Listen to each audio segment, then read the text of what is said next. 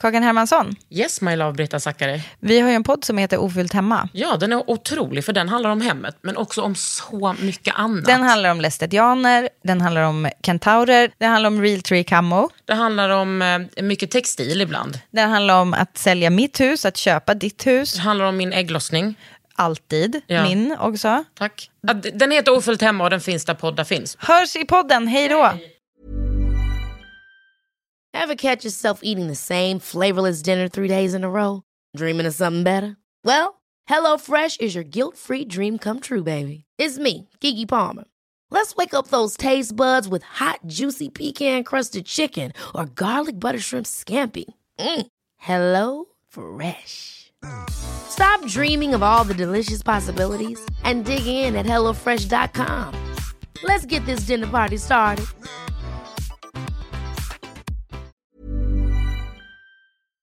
Hedda spelar ju Nina i Vår tid är nu.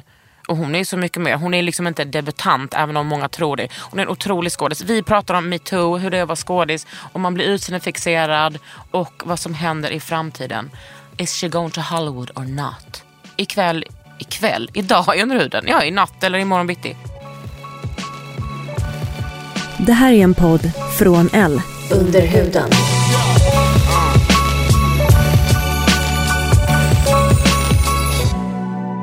Under huden. Med Kakan,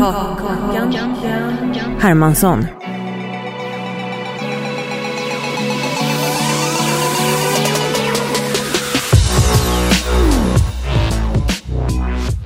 Hedda, en sak som jag undrar. Är du eh, Sveriges nya Hollywood-export? Nej, det är jag inte. Men jag är ju inte i Hollywood. Nej men jag menar, alltså är du framtiden?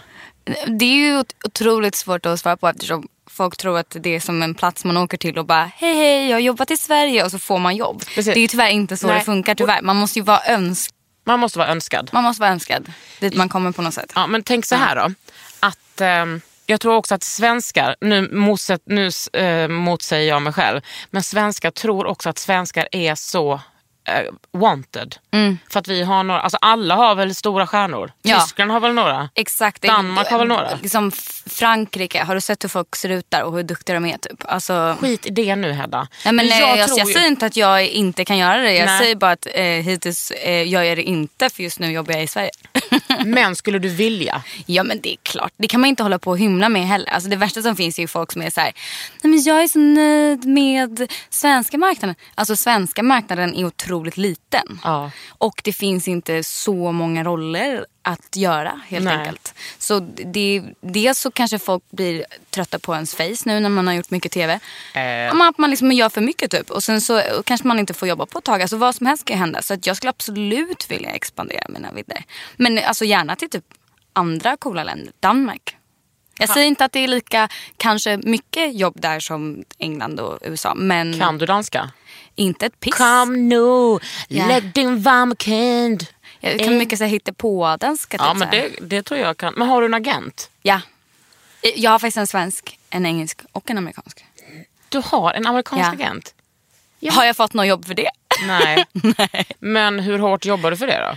Alltså just nu kan jag ju inte jobba så hårt för det. Nej. Jag har ju jobbat hårt för det alltså när jag har varit ledig. Men just nu är jag uh, uppbunden. Vi ska göra en säsong tre med den här tv-serien jag har gjort. Vår tid är nu. Mm. Jag vet ju att det blir en trea för jag fick ju nämligen ett samtal. Ah, det var ju hemskt.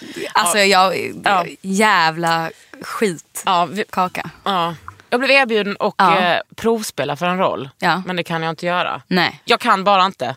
Det är fel i tiden för mig. Ja. Men då hade vi blivit kollegor kanske. Ja, alltså fruktansvärt. Nog om mig Hedda.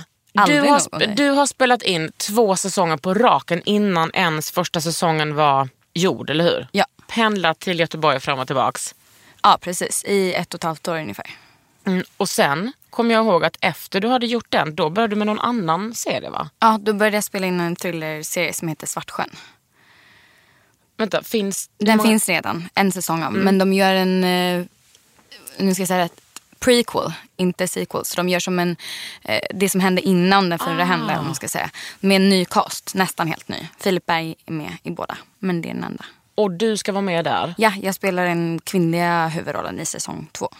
Skulle du säga att du inte nöjer dig med, med att inte vara huvudroll nu för tiden? Eh, jag skulle säga att jag gärna spelar den kvinnliga huvudrollen, absolut. Men att det helt beror på roll. Att jag kanske måste tänka mig för. Eh, det här är ju då alltså också folk runt omkring mig som säger att man också kanske måste vara lite strategisk. Att inte liksom kliva ner i någon produktion. Eh, men att det beror helt på övrig cast och eh, vad det är för projekt och vad det är för manus. Jag skulle ju inte säga, nej jag ska aldrig göra ingenting som inte är en huvudroll. Absolut inte. Är det en skitbra roll?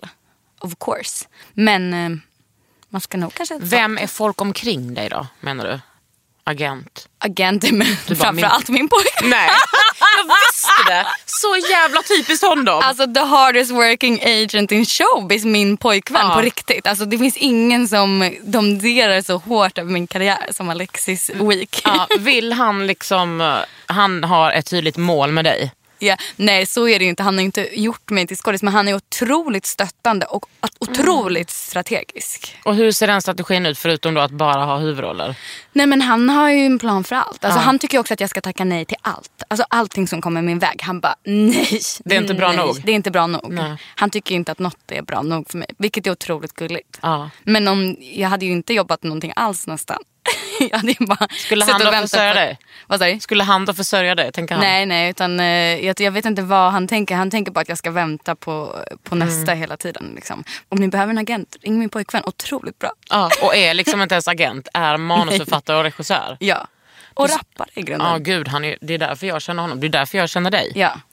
För att, för att vi alla är rappare i grunden. Men han, ni jobbade ju ihop. Ni, du spelade ju huvudrollen, såklart ingen biroll, i hans eh, examensfilm. examensfilm, heter det. precis. Vad heter den? Rosa moln? ja. Den kommer på tv nu. Är det sant? Ja. Och gud, ni måste se den. Mm. Såg den på bio, var så berörd. Också extremt eh, fin musik i, som Ja. Gudmundur Mogensen har gjort va? Ja, bland annat. Mm. Ehm, Exploding Hearts. Mycket vänner som har varit med och dabblat på olika Mm. hörn med det där. Men hur var det att jobba med Alexis då? Alltså det, det är ju en, liksom, jag skulle kunna säga så här, det var helt underbart att jobba med sin kille. Eh, så var det ju inte. Och också obs, det var inte där vi träffades. Nej, nej, nej. nej. Obs skulle aldrig så här, börja dejta chefen bara sådär. Utan vi, vi höll ju på med helt andra grejer långt innan. Och sen så började vi hålla på med film ungefär samtidigt. Ni Ehm, träffades väl på, som alla andra på La Vida Lowcash? Ja, som hela världen. Som hela världen? Som hela världen. Det är så Alla vi alla vi. i vår kompisgrupp har träffats tack vare Tobias Hansson. Mm. out. Eh, eh, livets matchmaker. Typ. Ja, verkligen. Eh, nej men ehm, så det, det är klart att det är eh, någonting man måste förhålla sig till. Alltså vi var tvungna att lära oss att man var tvungna att vara otroligt professionella på inspelningsplats. För andras skull, men också för sin egen skull. Att det var lite som att jag bara, eh, älskling, jag tänker inte säga den här repliken. Nej. Och han säger typ så här, tar mig åt sidan och är så här, du kan inte kalla mig för älskling Nej. inför teamet. Är du sjuk i huvudet? Typ. Så det var mycket sånt att vi liksom fick lära oss. Och detsamma i andra, andra, åt andra hållet också. Att han inte kunde tilltala mig som så här, sin flickvän. Utan att det vi kom fram till var ju att så här, det är en arbetsrelation. Mm. Alltså bara strictly. Sen kan man gå hem och prata om filmen som ett par. Liksom. Ja, men det är nog väldigt nödvändigt att göra så. Ja. Jag har jobbat en dag tillsammans med min flickvän. Då Hur var hon det? så här, hon bara, vet du vad, när du kommer hit, inget jävla pussande och sådär. Nu är vi liksom professionella. Jag bara, men Ja. ta det lugnt, jag vet. Ja. Det är inte som att jag skulle hoppa på honom och bara hångla. Nej men så är inte jag heller. Men jag tror att det ändå ligger latent att man just kan prata med varandra på ett sätt som är nästan lite, inte nedvärderande. Men jag att vet, man tar liksom varandra för givet. Mm. tar varandra för givet och man kan ha lite bossig ton mot varandra. Jag kunde vara rätt bossig mot honom och han kunde vara rätt Mm. bossig tillbaka. Och ibland blev det ju nästan lite som att han bara såhär, jag är faktiskt chefen här. Gud, jag älskar att, vi, att du outar Alexis. men Nej, jag tror också att, klipp bort. att liksom, jag tror också att det är lite nedvärderande att kalla någon för älskling. Exakt, det är ju det. Och på något sätt så är det ju så alltså, i en sån situation. Man får bara, ja det är bara strictly business. Man får liksom Men den bara... filmen blev så bra. Och det var inte så, nu ska inte vi prata om Alexis, den här podden handlar inte om honom. Men det var inte så att han nöjde sig med att göra en kortfilm som de flesta gör kanske. Nej. Han gjorde en långfilm. Ja. Han är strateg. Mm. Alltså det är så faktiskt. Alltså han är otroligt strategisk och liksom eh, för sig kommen. Och vill verkligen bygga något hållbart för sig själv och för alla runt omkring Och honom. för dig. sätt. Och för mig obviously. Men hur, hur började din skådiskarriär? Den började på La Vida Locas. Ja. Alltså på vi det. riktigt, den gjorde faktiskt det. Nej men jag ehm, tvekade väl väldigt länge och höll på med massa andra grejer. Och kände väl att jag inte hade en aning om hur man blev skådis eller vad man gjorde överhuvudtaget. Så jag var medlem i såna här olika hemsidor. Filmcafé.se. Typ statist.se? Ja. Oh my god. En- jag var med i en som heter Filmcafé. Och då precis, så kom jag i kontakt med folk som gjorde kortfilmer och mycket musikvideos. Och det var så jag kom i kontakt med La Vida Locas. Ah, men vilken musikvideo gjorde du då? Jag gjorde Adrian Lux först. Vilken då? Den, du vet den som hade gay-tema? Alltså Can't Sleep. Ja. Som de var tvungna att göra om när de Just ska det. lanseras i USA för att USA kan inte hantera Bögar. bögar. ah, just det. Då var jag med i den nya Ja. med vampyrer som jagar Ja. Adrian i skogen. Just det. Detta kommer jag ihåg. Och sen så gjorde ni ju också, du och Madde Martin, Ja. ni gjorde väl en lesbisk så här, Bonnie and, Clyde, ja, ja, Avicii. Bonnie and Claudia Avicii-video. Ja, exakt. Uff, den var snygg. Ja, och så jag gjorde mycket musikvideos där ett tag. Och sen så gjorde jag mycket kortfilmer och jag gjorde ett eh, pilotprojekt också med Tobias Hansson på La Vida och sådär. Var det då du spelade typ, Bloggerska. ja men typ hade någon sån silvrig outfit? Ja. Jag kommer ihåg detta så väl. Ja. Ehm, det var säkert att du, han ville att du skulle vara med på något här. Absolut. Säkert. Jag var väl också, alltså Ja. vi gjorde allt. Ja. Efter det så fick jag möjligheten att göra en film som hette Studentfesten. Som var en komedi. Som Och- var typ på Lidingö eller något. Ja, och bara på något sätt kom i kontakt med eh, massa unga skådisar. Som sket i vilket typ. Eller de gick på scenskolan, de gjorde massa, de hade varit barnskådisar, de hade hållit på. Och i det så hittade jag någonstans någonting som bara var så här, men herregud, varför skulle inte jag kunna göra det här? Tänkte du så här, "Ah, jag måste gå scenskolan annars det är den enda vägen?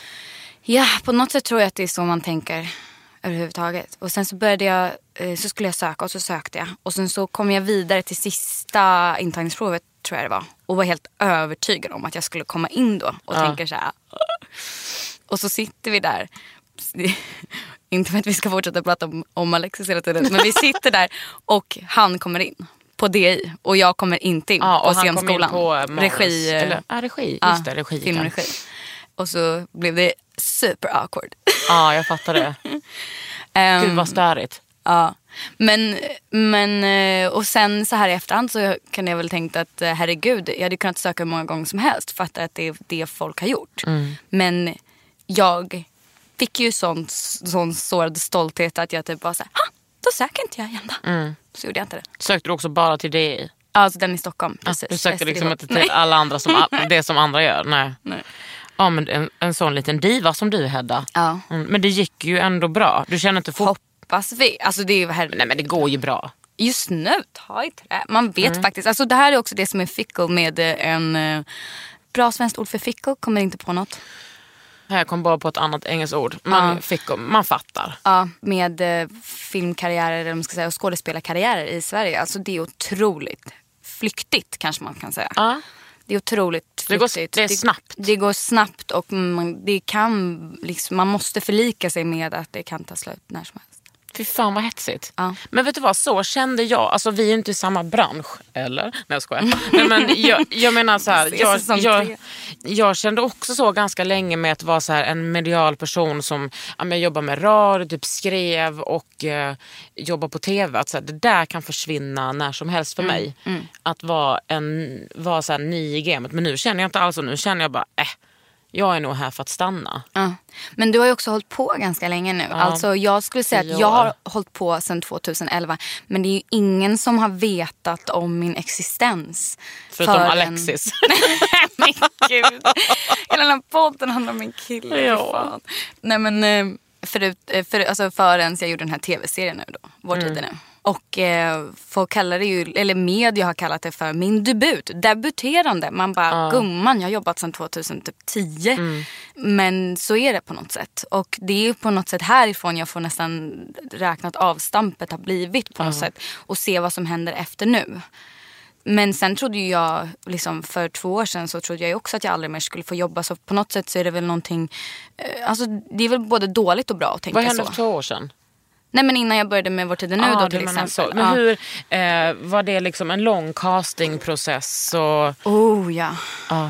Oh ja. Alltså jag, jag fick ett samtal i maj, juni. Och så första gången jag träffade castaren och regissören var i juni. Jag fick rollen i november. Åh nej, typ hållit andan i flera Ja. månader. Men hur hade de då fått nys om dig? Det var... ehm, det är så här, den här är den enda historien jag har hört men jag vet inte. Men jag, det tror jag stämmer. Det är en, ehm, en manusförfattare eh, som jag känner. Som hade sett bland, an- bland annat Rosa moln. Och som känner mig lite.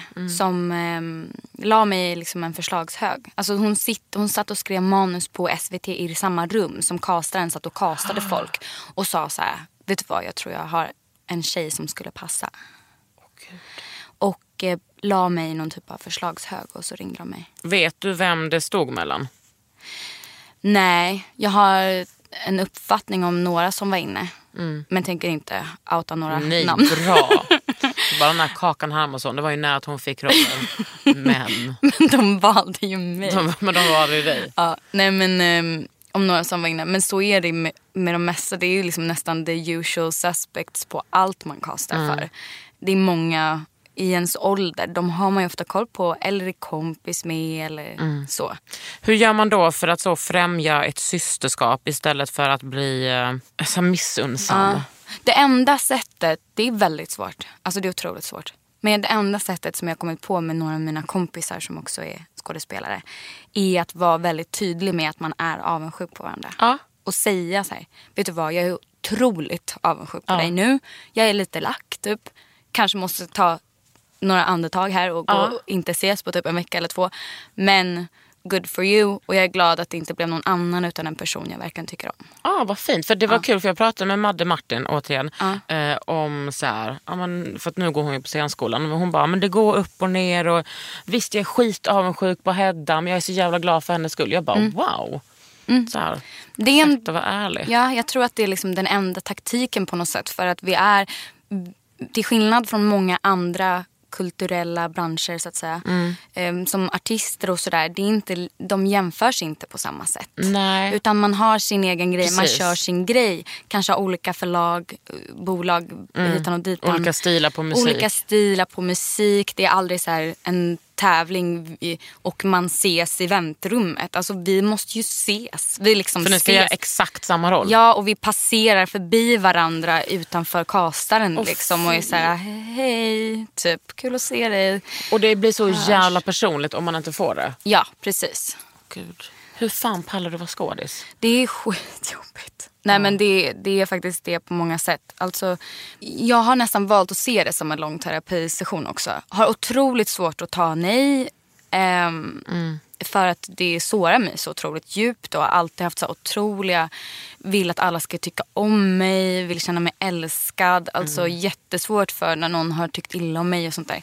Så jag har valt att se det som en lång, ja, lång terapisession. Fett typ. att få betalt för sin terapisession is- Ja. och inte be- behöva betala. Dock, det, man, eh, det som verkligen är terapi får man ju inte betalt för. Det är de här castingprocesserna där man fick nej. Mm. Ja, Då det. lägger man ju otroligt mycket energi, emotionell Mm. investering och allting i någonting som du sen kanske inte får. Precis, och sen kanske du går och unnar dig någonting för att du inte fick rollen. Typ Nej, ett du- Celine-halsband på Celine i Paris via Facetime. ah, nej, just det, det var jag. Det är det vi har gjort hela Ja. upp inledningen. Här, bara shoppat till Köp, kakan. nej, köp, fråga henne om hon har kedjan. Nej, men ta det där, köp det där. så imponerad av din hardcore shopping. Mm. Ja. Men, men så, det, det är ju också en del av yrket. Man lägger så otroligt mycket tid och energi på, på grejer som aldrig händer. Och sen haft såna otroliga svackor när jag verkligen har velat ha någonting som jag inte har fått. Mm. Och tänker att, eh, liksom, alltså drömmer mardröm. Jag, det var en roll jag liksom drömde mardrömmar om i ett halvår. Som du inte fick. Som jag inte fick. Vilken var det då? Men Jag ska inte säga det för jag tänker att jag inte ska liksom, outa hela processen. Eller vad tänker Bra. du? Ja, och också den som fick det och sådär. För det är Ja. ingenting personligt liksom, mot henne. Kolla, Ehm. kolla här så proffsig hon är. Du är så proffsig Hedda. det är inte så att jag ska kolla dig men eh, Nej, nej, nej. det är väl bra gjort alltså. Ja. För min egen del hade jag kunnat säga det. Men Ja. jag vill inte Hon kommer säga in... det till mig efter inspelningen, absolut. Men Precis. ni kommer aldrig få veta. För jag vill inte blanda in en person som inte har valt att bli tilltalad här. Bra där. Men då, alltså det, jag hade sån otrolig ångest att jag till och med gjorde en liten så här ceremoni den, den, nyårs, den nyårsaftonen. Så var det någon som hade sån här, du vet, asiatiska typ önskeballonger Ja. eller vad det heter. Gjorde en liten ceremoni för mig själv och sa så här, det här med liksom mitt nyårslöfte till mig själv var att jag skulle släppa att jag inte hade fått den rollen. För att jag, hade, jag kunde vakna svettig på natten och gråta. För att, men den, den rollen fick också representera nästan alla nej jag någonsin hade fått. Det blev, som en, det blev så tungt att jag inte kunde hantera det. Liksom. Men jag menar, risken måste då bli när man är skådis och håller på med de här nejen och jaen att man blir så jävla självcentrerad. Ja, absolut. Hur, hur gör du för att inte bli det? Jag, ehm, alltså det är ett yrke som bara handlar om jaget och hur är jag och alltså det är pissjobbigt. Jag tror att en anledning till att jag kanske eh, försöker, eller vem vet om jag har lyckats. Jag kanske Nej, men du är ju tror. väldigt, du är ju inte som en, som en sån skådis. Nej, vad bra. Jag tror att det kan ha lite att göra med att jag började senare också.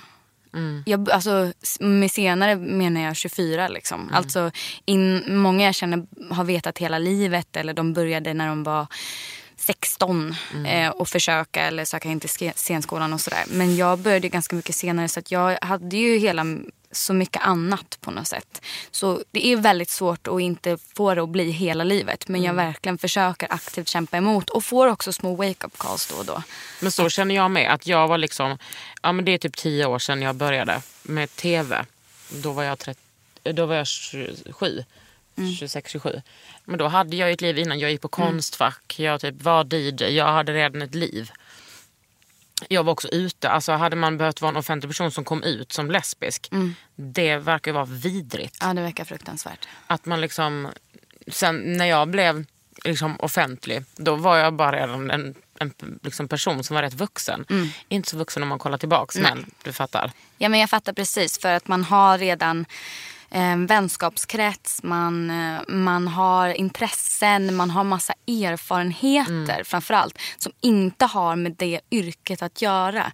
Jag hade gjort alla de här tonårsgrejerna. Försökt hitta mig själv och rest och jobbat med massa Ingen tribal eller? Ingen tribal, men däremot en liten tatuering som det står kärlek på som jag skaffade medan jag backpackade själv i Australien.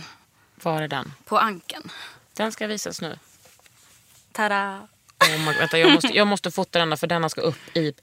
Du gjorde... Fan vad den, jag har ju hårinpackning på linsen. Oh my god Hedda. Otrolig. Kanske tur att just den inte ser ljuset alltid. Nej. Nej men jag ska inte säga någonting. Nej. Men alltså, jag tänker att dina tatueringar ändå är lite bättre än... Ja, jag vet inte. Jag, jag tänker bara att jag är... Man kan inte koncentrera sig för då blir det bara... Jag är bara lost Ja. case liksom. Men jag är också ganska nöjd att jag har den där, du vet. Och det, du vet, det, då, det representerar en tid på något sätt. Där också, ja, där jag inte gjorde allt det här som bara handlar om mig själv på något sätt. Alltså, obs! Backpacka Australien handlar otroligt mycket om sig själv. Hitta sig Kärlek själv. tatuerad in, på innan ankeln. Det är också sig själv. Under huden. Under huden. Med Kakan Hermansson.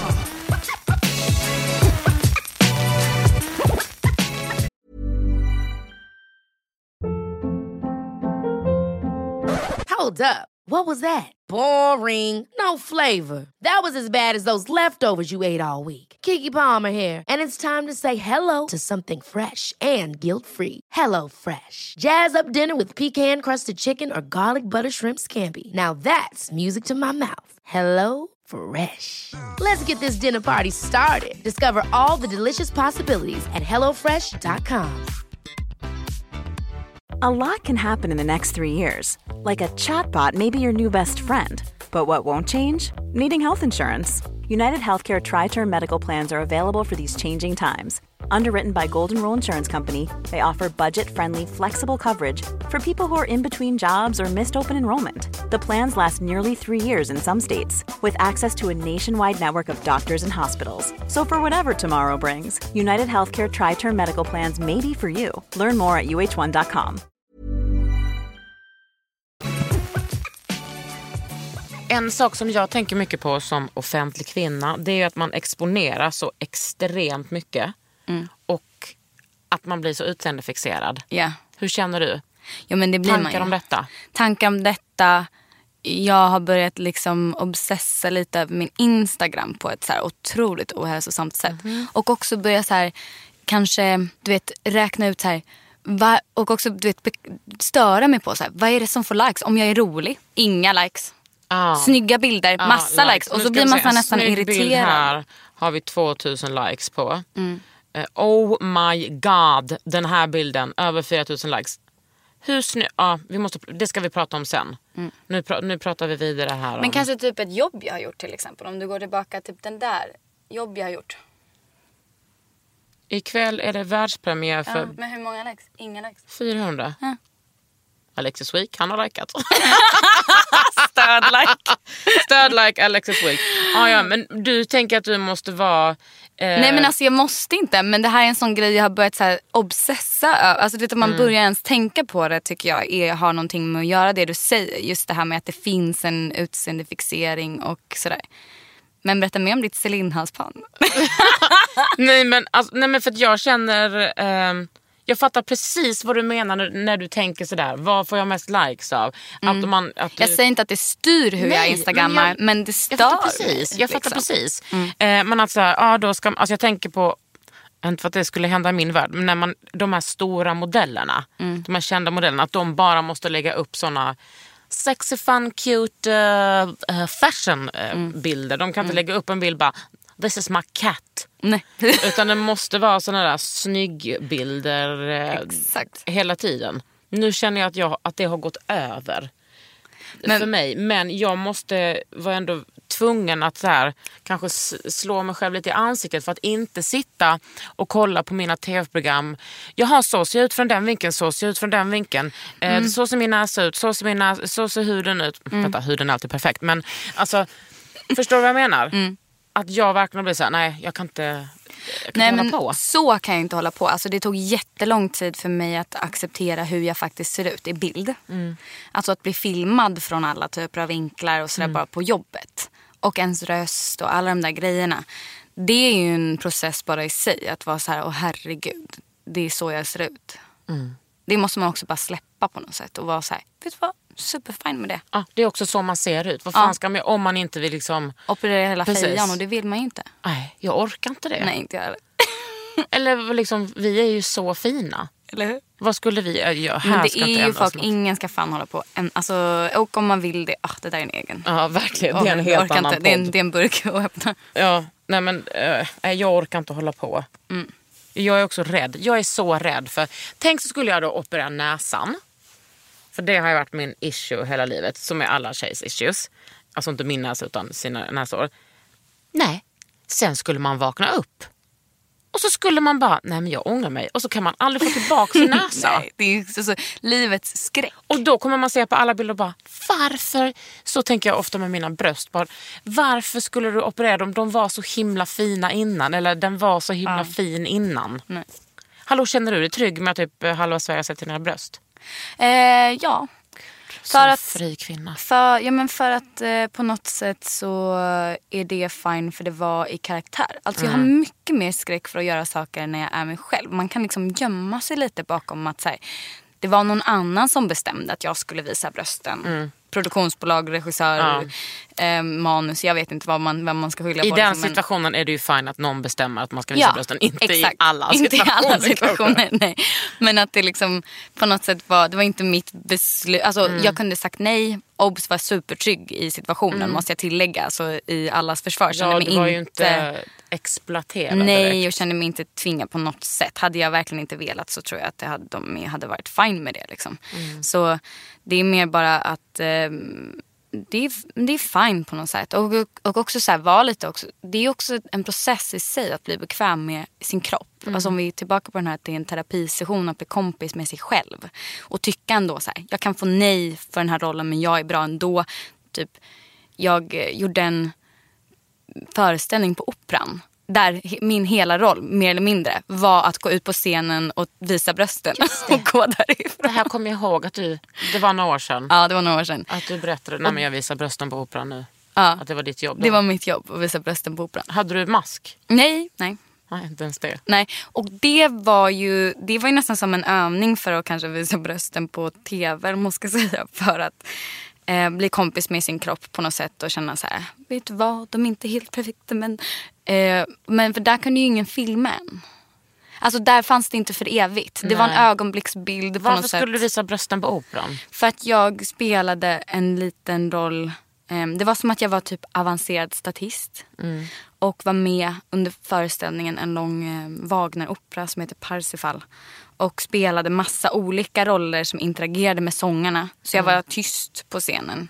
Men var ganska mycket, vi var tre personer som var med ganska mycket och interagerade. Och en av dem skulle vara att jag var någon typ av sinnebild för Maria Magdalena.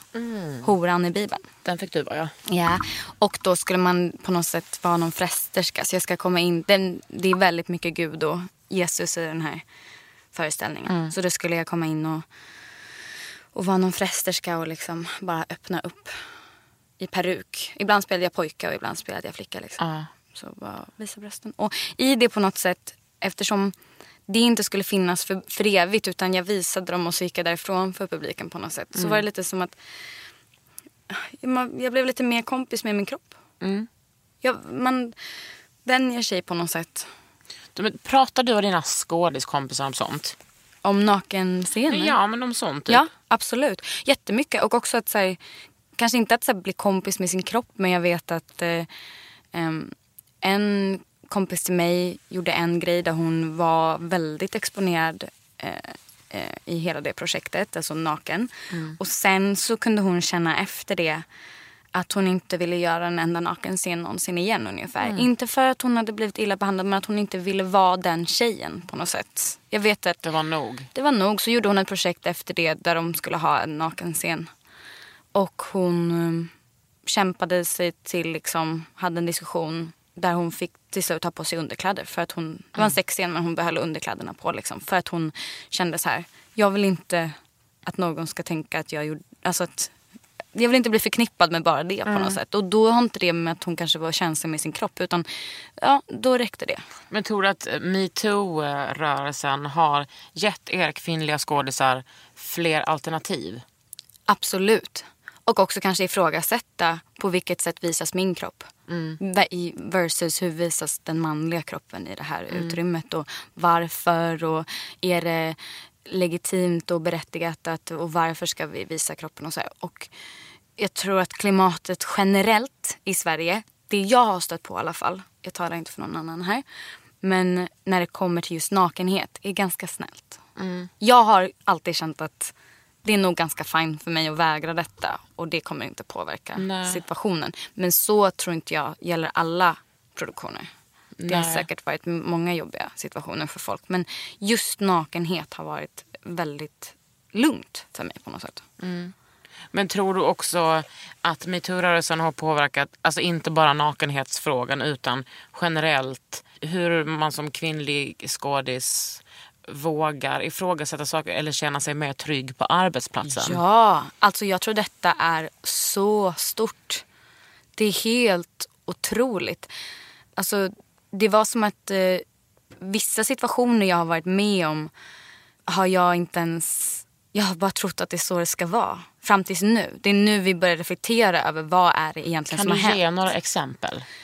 Jag jobbade med en manlig skådis eh, vid ett tillfälle som kunde liksom omväxlande skrika på mig, typ slita manus ur händerna på mig. Alltså eh, ignorera mig, eh, försöka skratta åt mig i tagning så att jag skulle komma av mig. Alltså han gjorde så mycket så här härskartekniksgrejer som jag gick hem och grinade över varje dag. Och kände så här, vad är det för fel på mig? Vad gör jag för fel? Och Tänkte du att det var du som provocerade fram det hos honom?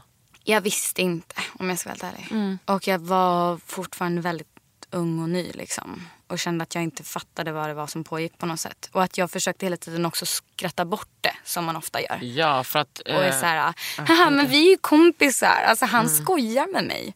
Och att sen när allting liksom eskalerade så verkligen ballade det ur men det var liksom ingen riktigt som sa till honom. Produktionen bad om ursäkt till mig men sa inte till honom. Nej. Och att jag idag kanske hade krävt så här, vet ni vad?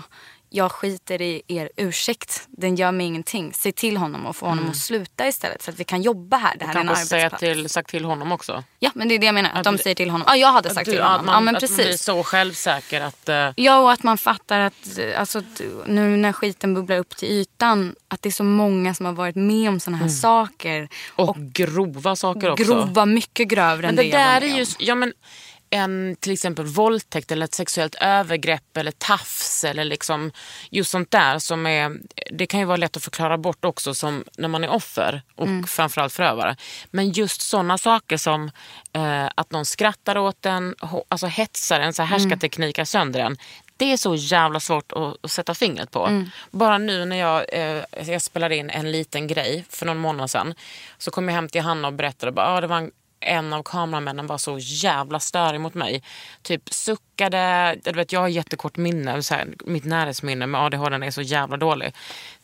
Och då, då liksom var han så här, hur svårt kan det vara du vet, inför hela produktionen? Och jag, du vet, så här, dels var det som att jag inte brydde mig. Men att jag var så här, när jag kom hem och berättade det för Hanna, hon bara, varför sa du inte till? Och jag bara, ja men för att jag är alltid den som säger till. Jag är alltid den som gör det till att det blir dålig stämning. Jag orkar inte vara det. Och bara, men sen vet jag, sen sa jag till och när jag kom hem och bara, nej men han kommer inte jobba med oss mer. Men det där, så jag har ju fått en fotograf sparkad en gång och det är fortfarande tycker att det känns så jävla skönt. Ja, men det är jättebra. Jag tror Mm. att alltså, det är inte jättebra att någon måste bli sparkad. Och folk ska bara kunna sköta sig. Mm. Alltså, det är också helt så här, det känns så sjukt att det här är första gången vi öppet talar om. Mm. Alltså metoo, inte bara i min bransch eller i, liksom, i det mediala rummet utan, att det, utan det som det har skapat i alla branscher Mm. på något sätt. Det är helt bisarrt att det är först nu, alltså jag börjar garva, att Mm. det är först nu vi pratar om att det inte är okej att bli sexuellt trakasserad på jobbet. Det är Mm. som att när man tänker på det är det helt befängt. Och att, vilket betyder då att varje gång en kvinna har sagt någonting och berättat om sina erfarenheter så är det ingen som har tagit det på allvar. Nej. Eller som de sa till mig i den situationen jag var. Kan du snälla bara tänka dig att härda ut? Bara Och att man bara tiden. skuldbelägger sig själv, skuldbelägger sy- andra systrar. Ja. Och att man, det som jag tror har varit nummer ett med metoo är ju att eh, så här, kvinnor och andra personer som inte är män vågar prata med varandra. Dela med sig och lyssna faktiskt. Nej, alltså det, är- det är fantastiskt det som händer nu. Alltså Mm. jag, det, jag är så glad över det och vi är inte Mm. färdiga än. Men att också så här, att folk kanske inte, att män kanske också känner att så här, hmm, jag måste nog överväga hur jag beter mig på arbetsplatsen Mm. för jag kan bli outad. Ja, be afraid, be very fucking afraid. Ja men också så här ifrågasätta sig själv och bara, gud har jag gått över gränsen någon gång? Ja. Eller inte bara, åh gud jag måste skärpa mig för att inte bli outad. Utan så här, vad, vad pratar du och dina killkompisar om? Vad, Mm. Men jag tror att det vad, måste- vad är ett problem? Det måste börja någonstans. Jag tror att det är nästan bra kanske att det börjar i någon typ av rädsla. Absolut. Och att det kan leda till att man faktiskt, eh, att vi kommer till en plats där det, att vi har lärt oss något nytt.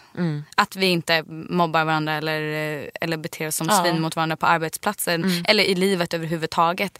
Det kanske måste börja i att några får gå runt och vara lite rädda ett tag. Ja, och eh, och, och vi- därför, det, är- alltså, för jag menar, det, ja. Rädda har liksom vi varit alltid. Ja. Hela våra liv har vi Ja. varit rädda så det är dags att det är tvärtom. Men någonting som jag tycker, det har ju också varit så jävla jobbigt med metoo för att jag tänker, du är säkert också med i massa grupper på Facebook där kvinnor och andra personer berättar om övergrepp. Alltså, oh, alltså det är inte så här, oh, jag var på jobbet och chefen tog mig på rumpan. Utan så här, när jag var två år, gjorde den här man, jag har blivit sexuellt utnyttjad från att jag var bebis. Jag har blivit våldtagen si så många gånger. Och det är så många kvinnor som är med om så mycket saker som och som vi kvinnor vet om. För att detta berättar vi för varann. Men när det kommer ut i offentligheten så tror människor, att, alltså män, att vi överdriver. Och jag läste en, en bekants Facebook eh, så här, uppdat, statusuppdatering, en bög som skrev så här. Jag är så jävla trött på kvinnor som säger att de spyr på män. Hur kan man dra alla över en kam? Och vet vet du vad, då tänker jag så här, men gud har inte du så här förstått att det finns kvinnor som har blivit sexuellt utnyttjade inte en gång av en man utan av jättemånga män flera gånger i livet och att det inte är ovanligt. Är det då så konstigt att vissa kvinnor spyr på män? Och vad är det som är så farligt med att kvinnor uttrycker att de spyr på män? Vad är det som är så hotande med det? Varför, ställer man, varför sätter man inte sig och bara, okej, varför spyr du på män? Vad är det du har varit med om? Och vill du inte berätta det, behöver du inte det. Men varför, män är så himla snabba med att eh, försvara sig direkt. Eh, Jag förstår inte heller. Alltså jag, det, det är som att jag också tänker så här, varför kan vi... Ni, ni måste ju se det positiva i allt detta. Varför blir alla helt så här... Alltså du vet, så här, de blir liksom... Många blir jävligt stressade liksom, och sätter sig direkt i någon försvarsposition. Eh, Jag vet inte. All, hela den här processen har varit så... Jag har slungats mellan att känna mig otroligt mycket mer full med energi och liksom empowered på många sätt. Med att, som nu bara när vi börjar prata om det och du bara säger de här sakerna. Alltså jag känner hur energin bara sugs Ah, ur kroppen. fan. Jag, liksom, jag känner att jag, det, jag, blir så, jag blir så utmattad bara, bara jag tänker på hela processen på något sätt. Jag, tänker, jag blir så utmattad när jag tänker på alla systrar runt om Ja. i världen som...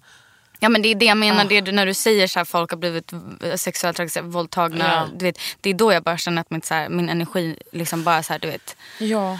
Jag, man blir helt matt. Det är fruktansvärt. Men alltså hur starkt, nu får jag gåshud på hela kroppen, var det på Guldbaggen? ja, det var så starkt faktiskt. Nej, men alltså, det var så starkt. ja, men jag gråt. Jag, Nej, grät men alltså, vem gick alla hand i hand? Eller vem var det som fick gå hand i hand? Hade de någon bestämt innan eller? Vi har ju någon typ av Facebookgrupp. Mm, skådisar. Ehm, ja, skådespelerskor i Sverige. Som är så här, det är svårt att organisera sig. Jag tror att vi är nästan tusen personer i denna. Det är svårt att organisera sig för att alla ska ha en röst. Om man ska säga. Alla blir Och inte bjudna på Alla baggen. blir inte bjudna på baggen. Alla blir inte inbjudna i gruppen heller. Det finns säkert Nej. många skådisar som sitter där ute på kammaren nu och är så här, varför fick inte jag gå på, du vet, i det här protesttåget? Mm. Varför var jag inte inbjuden? Inte jag en skådis? Alltså jag vet inte ens vem det var som bjöd in mig till den här gruppen. Alltså, det är liksom inte, Mm. det, det är så otroligt oorganiserat och organiserat på samma Mm. sätt. Och sen finns det några eldsjälar i den här gruppen som har varit de som har orkat ta tag i allting och kommit med förslag. Mm. Och några av dem då föreslog eh, den här aktionen att vi skulle gå på röda mattan. Och det var så starkt. Ja, men jag bölade ju rakt igenom. Det var så himla starkt faktiskt. För er som inte har sett det, kan du förklara hur det såg ut? Ja, vi hade ju dels då beslutat att eh, alla skulle gå i svart. Eller de som ville. Och så eh, hade vi trumslagare som gick eh, längst fram. Och så skulle vi vara tysta och inte stanna. Hålla varandra i handen och inte svara på några frågor. Och ehm, vara allvarliga. Det var nästan som en sorgeprocess liksom. Och så gick vi tillsammans hand i hand. Vi blev bara tilldelade en siffra och så ställde vi oss liksom Ja. på led. Och så gick alla hand i hand. Var det liksom någon eh, kvinnlig skådis där som, som inte gick med? Som inte ville vara med eller var det någon som inte hade fått... Jag tror det. Ja. Men eh, det, det kanske finns andra anledningar. Jag Ja. tycker också att det är väldigt viktigt i det här att man inte ska... För det, det är en strömning som jag kan ha känt av lite grann. Att det har blivit så starkt att man liksom kanske inte ens hinner reflektera. Mm. Att vi ska liksom inte heller tvinga människor med i detta. Om Nej, man inte bra. Vill och inte hetsa.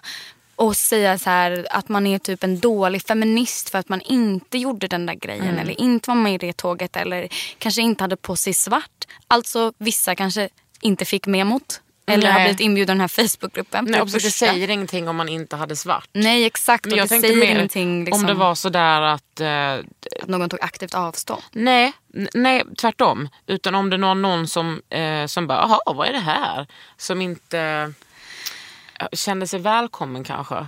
Eh, Fan, hur fan ska du kunna veta det? Jag vet inte. Men jag tror absolut också att många kunde känna så här. Det var så otroligt mycket röster som skulle liksom in och medla i det här. Vad vi egentligen skulle göra. Ehm, jag valde att liksom på något sätt avvakta och se vad som hände. Och liksom vara med på det jag ville på något sätt. För att det är väldigt svårt. Alltså det är så mycket uppdämd ilska och, och energi på något sätt som bara liksom, det var som en propp som rycktes ur liksom. Alltså, som, och nu bara flödar badkaret över. Liksom. Alltså det, är liksom, det, det går inte att sätta ord och alla kan inte heller känna sig nöjda eller göra sin röst hörda på något Nej. sätt. Så det, jag tycker att vi får vara glada över hur organiserat det faktiskt blev. Verkligen. Och det, det är som du säger att man inte kan ställa krav på människor för att man får inte glömma heller att det här är liksom så jävla traumatiskt för så många. Ja. Och man kanske inte orkar, det, jag menar det som började med att man skrev hashtag metoo på Facebook eller Twitter. Så här, ja, alla vill inte dela med sig Nej. av det. För vissa är det kanske så här, Det är fortfarande så smärtsamt Mm. kanske. Det kanske är en person du fortfarande måste vara runt. kanske Alltså, är din pojkvän det eller kanske din är din pappa. Mm. pojkvän. Precis, det kan vara vad som helst. Vi kan liksom inte tvinga folk heller att kliva fram eller göra sin röst hörd eller att ta det mediala rummet heller. Jag, jag, tyckte jag, jag delade ut pris på Guldbaggen och velade jättelänge för om jag skulle säga någonting på scen eller Mm. inte. Och valde till slut att inte göra det för jag kände att jag visste inte riktigt hur jag skulle formulera mig helt Nej. enkelt. Och jag kände jättelänge efter att jag tyckte att det var jättejobbigt att jag inte hade sagt någonting. Kommer folk tro att jag inte är stolt över det här eller Ja, en del av detta nu? För jag var varken med och stå på scenen eller sa någonting. Utan jag var bara med i den här proceduren. Är jag en dålig feminist nu? Mm, är jag en dålig syster? Är jag en dålig syster? Har jag inte utnyttjat min media, den liksom lilla tid jag fick i det mediala rummet att vara en, en äkta syster? Mm. Liksom. Och det tyckte jag var jobbigt. Men, men bara att jag ska tycka att det är så himla jobbigt blir också konstigt i sig. Alltså, Mm. Ja, det är så många perspektiv på det det, är så här. otroligt många perspektiv och man ska inte känna att man liksom blir pressad åt något håll. Man, man kan vara så jävla stolt och bra och en Mm. del av ändå. Och sen på något sätt önskar jag fortfarande att jag kanske hade utnyttjat det och sagt någonting. Men jag vet Det inte. kommer fler. Du Ja. kan ju säga det Jag säger det här. i ditt eh, tacktal när du vinner någonting. Ja. Men och för att prata om eh, det ytliga så stal du ändå showen på många sätt eh, på Baggen. För du var så, alltså, du var så snygg Hedda.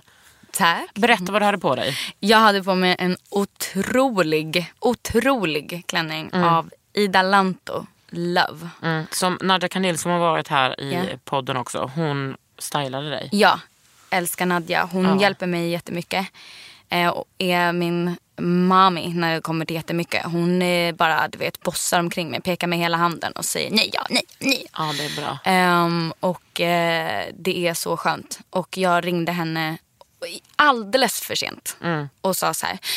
Jag vet inte vad jag ska på mig på Guldbaggegalan. Och eh, hon bara tog över helt. Och eh, vi hade någon plan som inte gick igenom alls. Det var någon som skulle skeppa någon outfit som inte kom och hitan och ditan.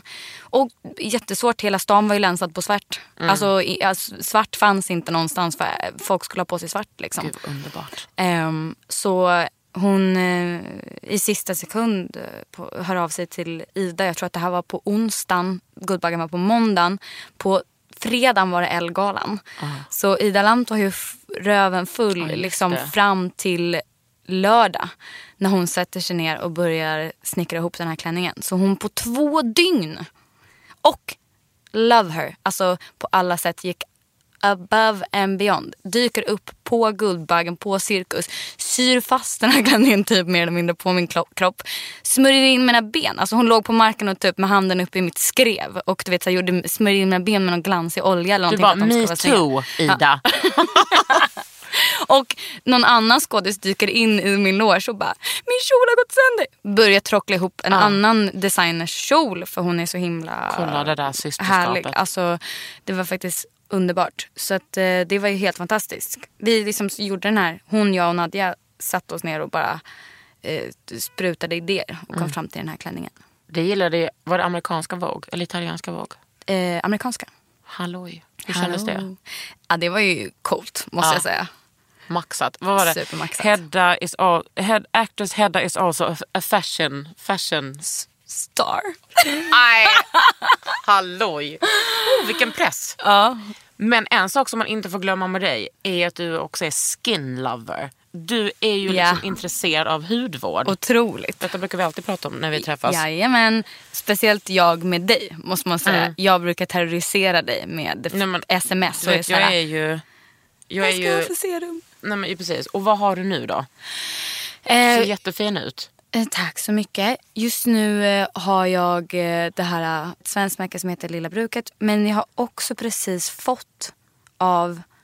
Jag, blev då, jag fick då i sista sekund också igen Förlåt Nadja Kandil ringer henne i panik och bara jag ska plåtas för Vogue.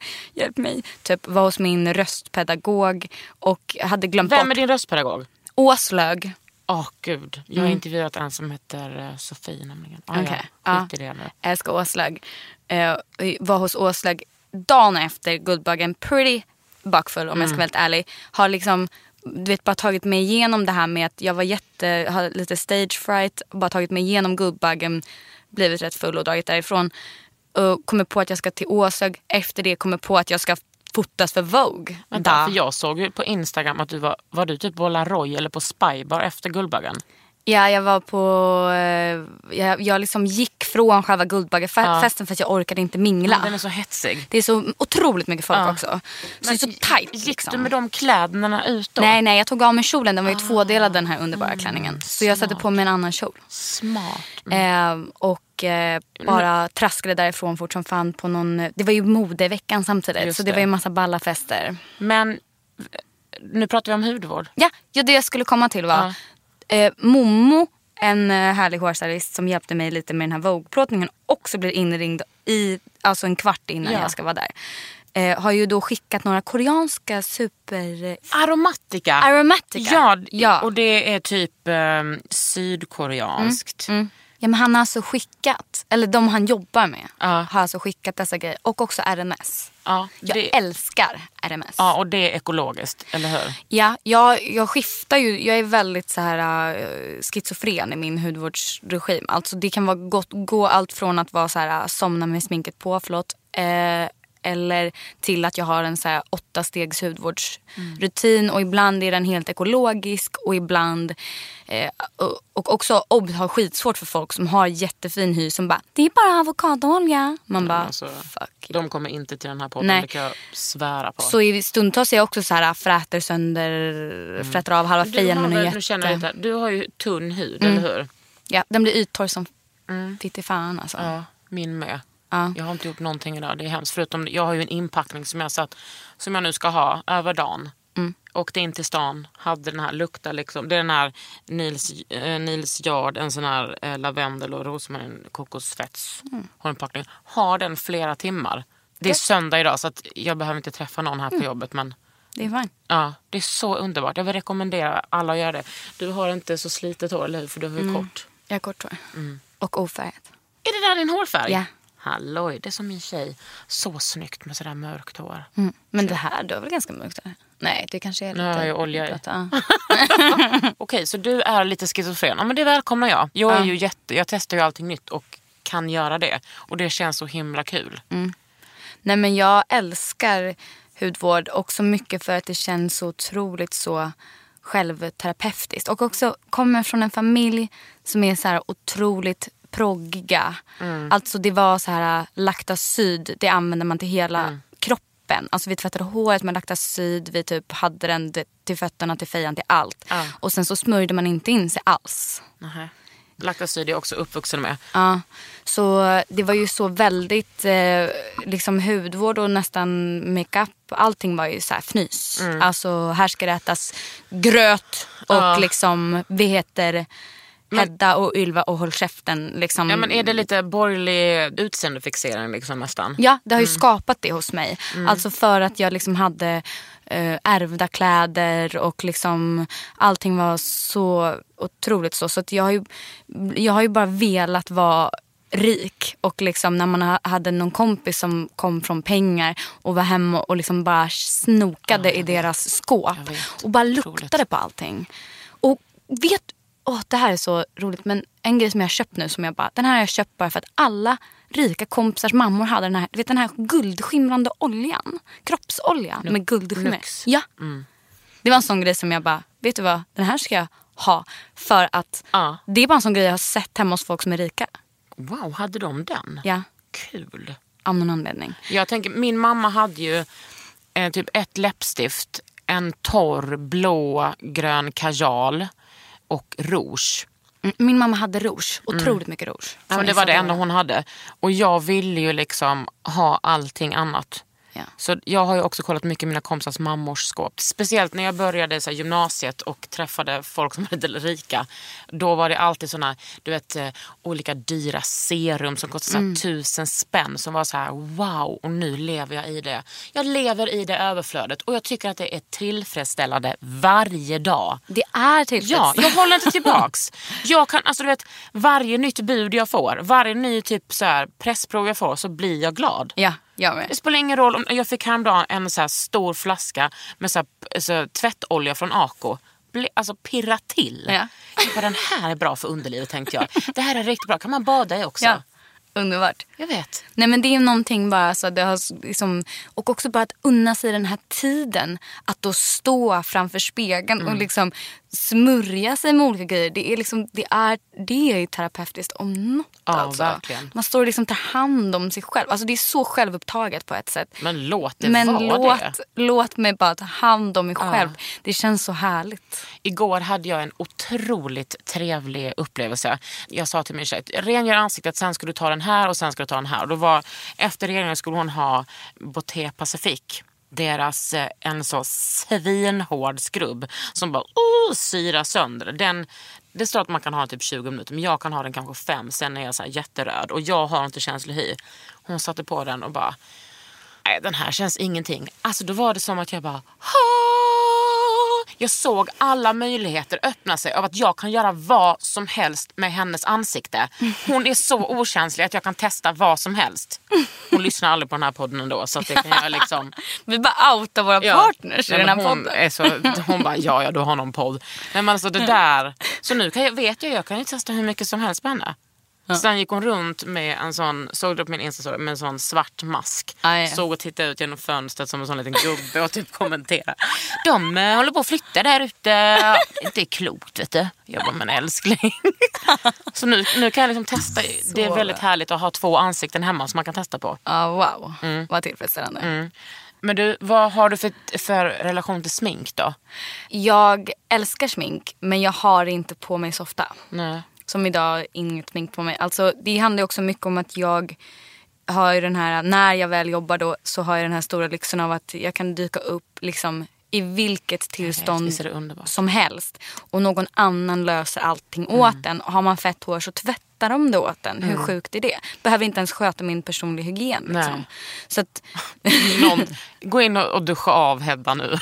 Men det är så skönt. Ja, men det är så skönt. Så det har ju också gjort att, och jag är liksom lite lat. Och jag, eh, alltså mycket är nog lathet, att jag faktiskt inte orkar sminka mig till vardags. Men det har jag också lärt mig av min kära stora syster. Är lyxen i att kanske inte ha akne till exempel. Hon hade akne när hon var yngre. Det har jag aldrig haft. Så att jag har liksom kunnat ha en lyx i att så här, eh, alltså jag har inte perfekt hy så. Det är bara det att så här, jag har inte känt mig tvungen Nej. att täcka över någonting. Men du har ju också sån utseende att du kan sätta på dig ett rött läppstift sen när du är hemma. Ja men lite så kanske. Babyface-lyckan på något sätt. Jag vet inte.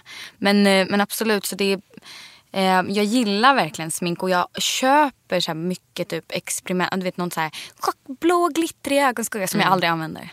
För att jag tycker att det känns så lekfullt. Och jag tror också det, också det liksom grundar sig i den här önskan om att vara liksom en, ha så Barbie-liv med massa smink. Och sen så när det kommer till kritan så är det lite som att så här, oj jag var visst inte den här personen som gör sånt. Nej men då är det skönt att kunna experimentera med en ögonskugga istället för en Chanel-väska. Brukar jag alltid säga hemma. Ja. Jag är- besatt av serum men inte heroin.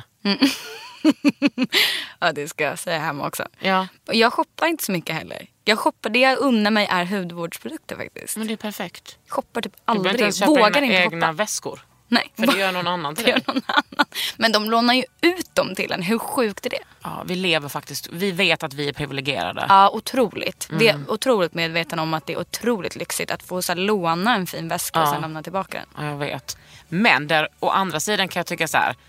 Lånar någon ut en väska och du syns ihop med den väskan, då borde du få den väskan. Det ska jag hälsa att du hälsar. Ja, hälsa det för mig. Du har lyssnat på Under huden med mig, Kakan Hermansson och Hedda Stiernstedt. Hollywoods nästa export. Under huden med Kakan Hermansson. En podd från L.